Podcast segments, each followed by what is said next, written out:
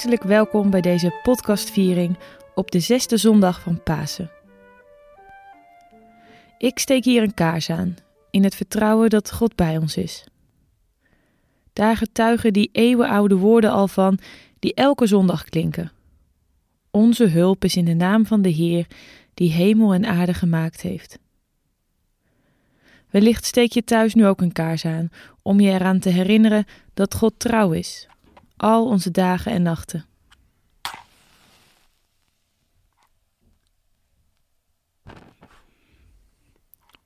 Laten we op de drempel van dit moment, van het eigen ritme van ons leven en de eigen zorgen die daarbij kunnen horen, eerst maar eens ons hart openen en een gebed bidden.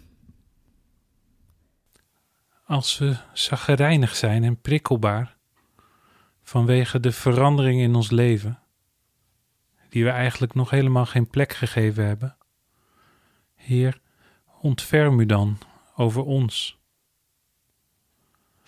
Wees met ons in de teleurstelling nu er weer ruimte lijkt te komen voor meer ontmoeting, maar het helemaal niet de ontmoeting en de nabijheid is waar we eigenlijk op hopen.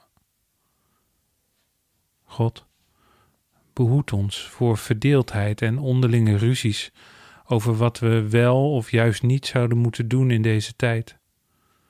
En verander onze angst in liefde, ons ongeduld in verdraagzaamheid en help ons te kijken met uw ogen.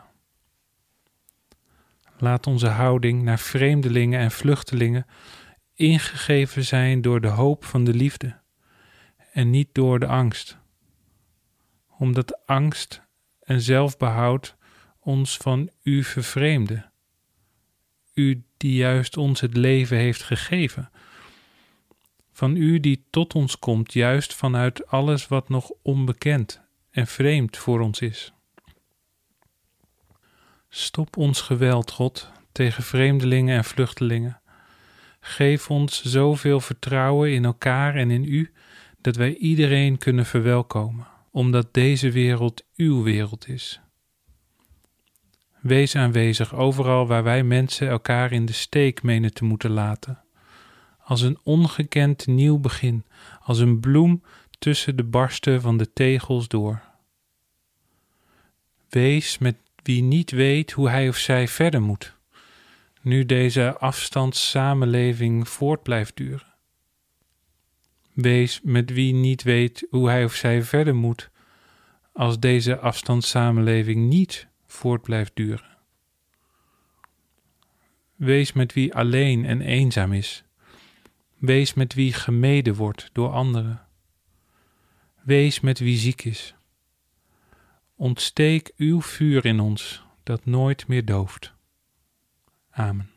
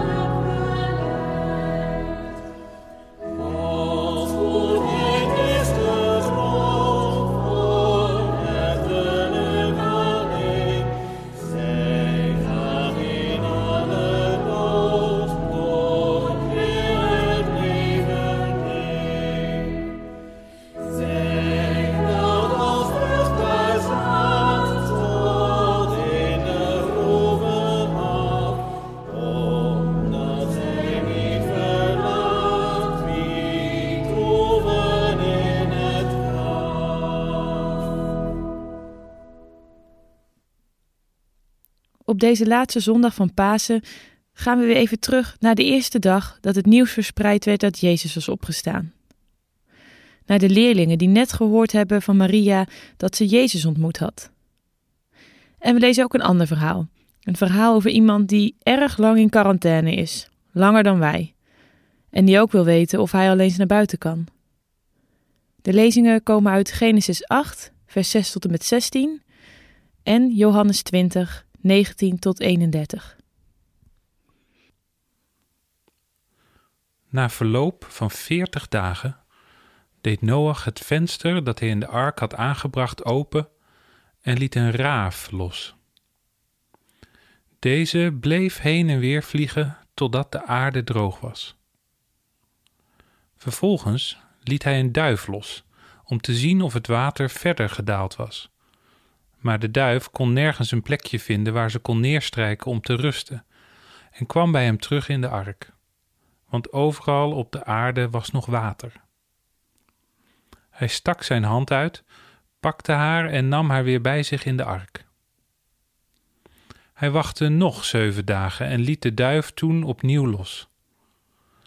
Tegen de avond kwam ze bij hem terug, met een jong olijfblad in haar snavel. Toen wist Noach dat het water op de aarde verder gedaald was.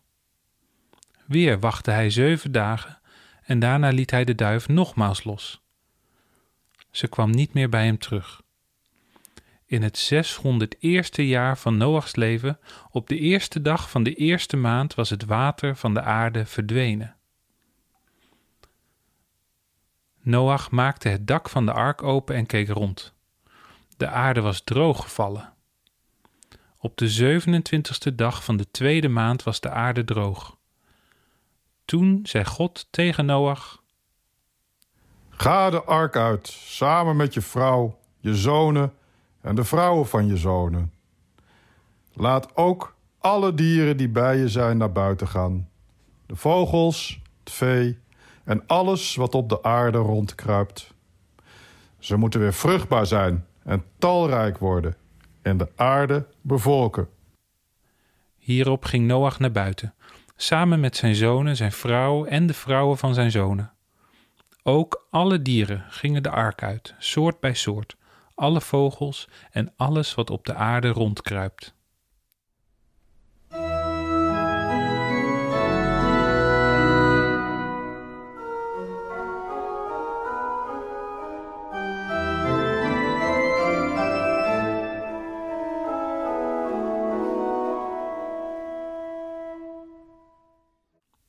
Op de avond van die eerste dag van de week waren de leerlingen bij elkaar. Ze hadden de deuren afgesloten, omdat ze bang waren voor de Joden. Jezus kwam in hun midden staan en zei: Ik wens jullie vrede. Na deze woorden toonde hij hun zijn handen en zijn zijde. De leerlingen waren blij omdat ze de Heer zagen. Nog eens, zei Jezus. Ik wens jullie vrede. Zoals de Vader mij heeft uitgezonden, zo zend ik jullie uit. Na deze woorden blies hij over hen heen en zei: Ontvang de Heilige Geest. Als jullie iemand zonden vergeven, dan zijn ze vergeven. Vergeven jullie ze niet, dan zijn ze niet vergeven. Een van de twaalf, Thomas, dat betekent tweeling, was er niet bij toen Jezus kwam. Toen de andere leerlingen hem vertelden: Wij hebben de Heer gezien, zei hij: Alleen als ik de wonden van de spijkers in zijn handen zie en met mijn vingers kan voelen, en als ik mijn hand in zijn zij kan leggen, zal ik het geloven. Een week later waren de leerlingen weer bij elkaar en Thomas was er nu ook bij. Terwijl de deuren gesloten waren, kwam Jezus in hun midden staan. Ik wens jullie vrede, zei hij, en daarna richtte hij zich tot Thomas. Leg je vingers hier en kijk naar mijn handen en leg je hand in mijn zij. Wees niet langer ongelovig, maar geloof. Thomas antwoordde: Mijn Heer, mijn God. Jezus zei tegen hem: Omdat je me gezien hebt, geloof je. Gelukkig zijn zij die niet zien en toch geloven. Jezus heeft nog veel meer wondertekenen voor zijn leerlingen gedaan, die niet in dit boek staan. Maar deze zijn opgeschreven, opdat u gelooft dat Jezus de Messias is, de Zoon van God, en opdat u, door te geloven, leeft door Zijn naam.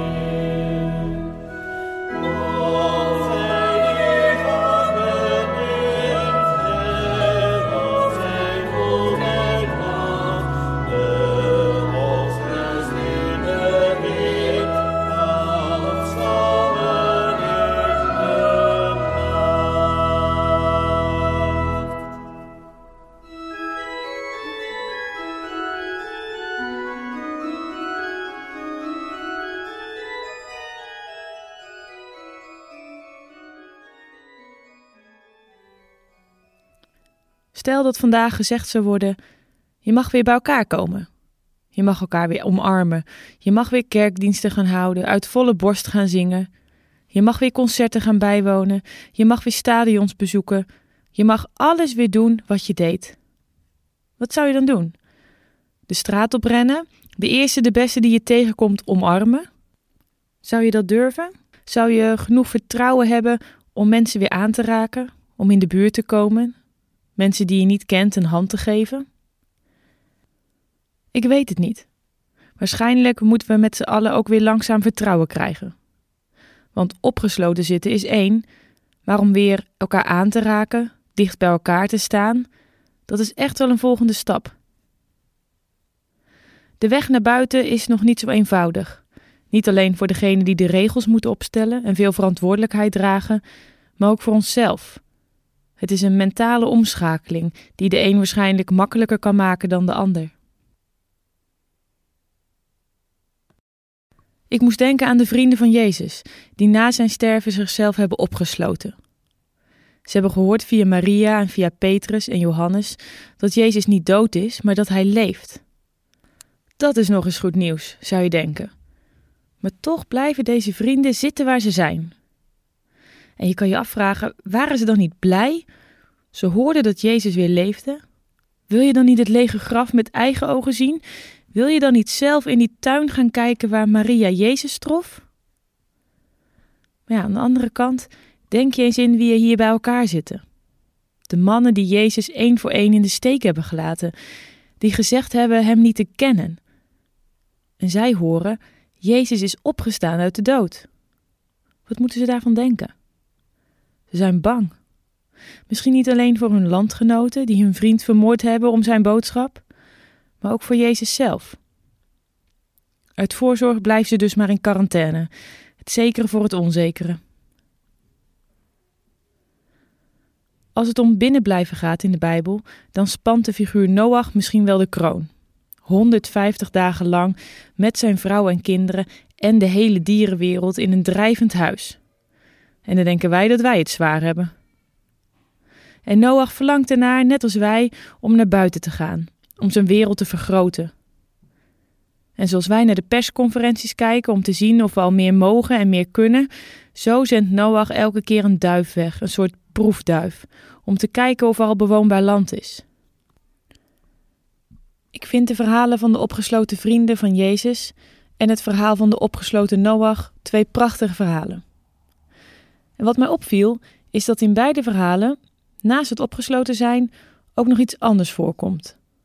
Want zoals de duif van Noach, die met een groen takje aankomt vliegen, uiteindelijk het symbool is geworden van vrede, vrede waarin Noach een nieuw leven kon beginnen in een nieuw en onbekend land, zo verschijnt Jezus ineens aan zijn bange vrienden in dat kamertje en zegt hij: Shalom, vrede. Het is een groet zoals adieu, goodbye, grüß Gott, salam. Een vredeswens die er zo ingesleten is dat het klinkt als goedenavond. Maar na alles wat er is gebeurd, wordt die versleten groet, shalom, opeens weer veelzeggend en krijgt hij zijn oorspronkelijke inhoud terug. Vrede voor jou. Vrede voor jou, opgesloten uit angst voor wat er buiten met je kan gebeuren. Vrede voor jou als je bang bent en twijfelt over wat je wel of niet moet doen, over wat je wel of niet had kunnen of moeten doen. Ik vind het een krachtig beeld. Jezus wenst de vrienden die hem in de steek hebben gelaten en hem hebben verraden, vrede. En hij doet nog meer. Hij laat hun zijn wonden zien. Niet dat ze hem anders niet hadden herkend, natuurlijk niet. Maar door zijn wonden bloot te leggen, laat hij zien dat hij de dood te boven is. Het lijkt wel alsof hij daarmee zegt: die wonden hebben niet het laatste woord gekregen. Er is een leven dat niet te verwoesten is, een goedheid die door de dood niet weggevaagd kan worden, een vrede die door geen geweld kan worden weggenomen. Ook dat heeft met die groet, die shalom te maken. Want in de shalom die Jezus zijn vrienden toewenst, zit van alles. Er zit vergeving in, vergeving van alles wat is misgegaan tussen hem en zijn vrienden. En in die vergeving zit een nieuw begin, Want met dat Jezus hen vrede toewenst, dat is trouwens iets anders dan geen ruzie of oorlog, maar het gaat om innerlijke rust als een ruimte die je in jezelf kan hebben voor de ander. Met dat hij dat toewenst, ontstaat er voor die vrienden een kans om weer opnieuw te beginnen, om weer als nieuw de wereld in te trekken. Shalom, alsof alle deuren en ramen met dat ene woord openvliegen. Natuurlijk verschilt onze situatie met die van de vrienden van Jezus. Zij verstoppen zich niet voor een virus. Hoewel wij ook bang zijn voor onze volksgenoten en ons verstoppen voor elkaar, zijn dit natuurlijk andere tijden. Johannes heeft het niet geschreven voor mensen die vanwege COVID-19 tijdelijk in quarantaine zitten. Wel denk ik dat hij dit schreef voor mensen die vanwege angst zich tegen lieten houden het leven te leven. Die het moeilijk vonden om die innerlijke rust te vinden die samenvalt met het idee dat God je leven draagt, altijd. Gelukkig is Johannes ook niet gek. Hij snapt ook dat hij dit verhaal schrijft voor mensen die dit allemaal niet zien, die er niet bij zijn, mensen die het zich afvragen of die shalom ook voor hen geldt. En daar komt Thomas om de hoek kijken. Want Thomas is er ook niet bij. En over Thomas kan je weer een heel nieuwe preek schrijven, voor een andere keer. Maar één ding wil ik er wel nu even over kwijt, en dat is dit. Thomas twijfelt. Jezus leeft en wenst ons vrede, een nieuw begin. Het is erg moeilijk om dit aan te nemen zonder dat je het zelf aan de lijve meemaakt. Thomas, zijn naam betekent een van een tweeling. Die naam intrigeert mij. Wie is zijn tweelingbroer of zus dan wel? Misschien ben ik dat wel, of jij. Want twijfelen hoort bij elk mens. Je wilt het zeker weten, je wilt het ervaren. Zelf tot in je vezels weten dat je weer een nieuw begin kan maken met je leven. Dat er in deze nieuwe wereld, na deze crisis, een plek is voor jou. Ruimte. Maar je kan er ook aan twijfelen. Red ik het financieel? Zitten mensen op mij te wachten? Zal ik mijn weg vinden? Kan ik een leven leiden zonder angst? Dat zijn reële vragen waar we onze weg in zullen moeten gaan vinden. Eén ding kunnen we op onze zoektocht straks naar buiten meenemen. In de Bijbel komt God juist in het onbekende en het vreemde tot mensen. Hij stuurt dan ook regelmatig mensen het onbekende tegemoet.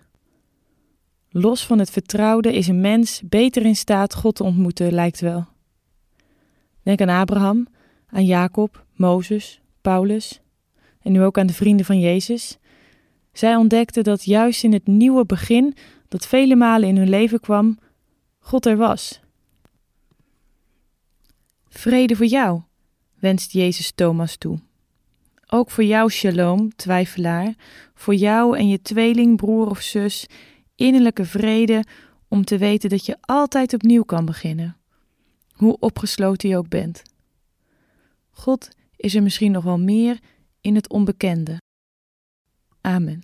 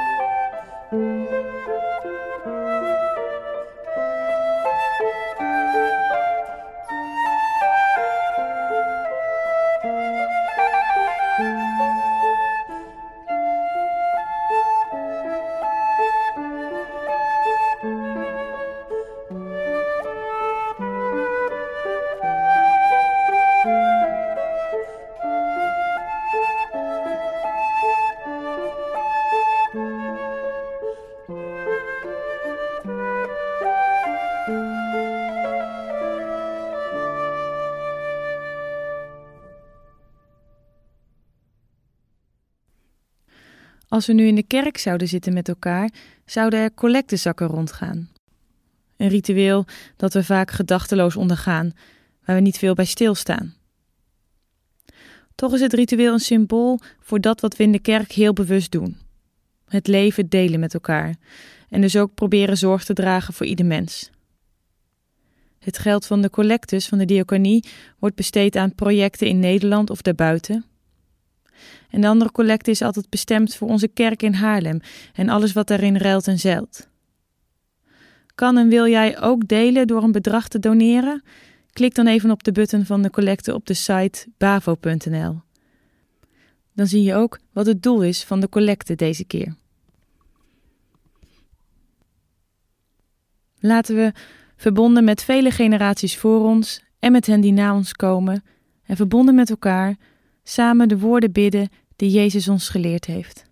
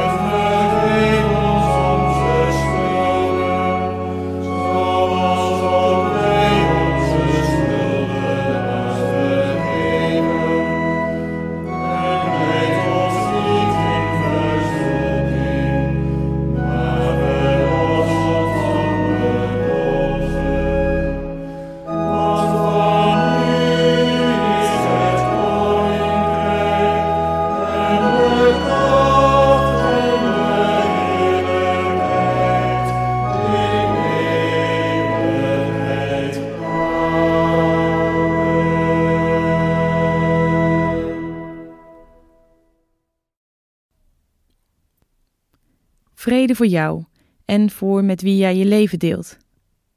Vrede voor jou als je je opgesloten voelt en bang. Vrede voor jou als je geen rust kan vinden. God is bij je, want de eeuwige zegent je en behoedt je.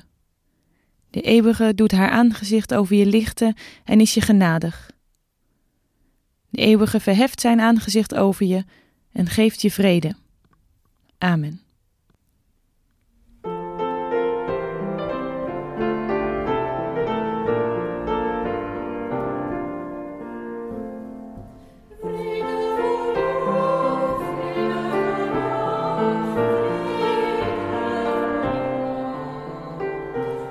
Deze podcast werkte mee Arjen Mulder, hij vertolkte de stem van God.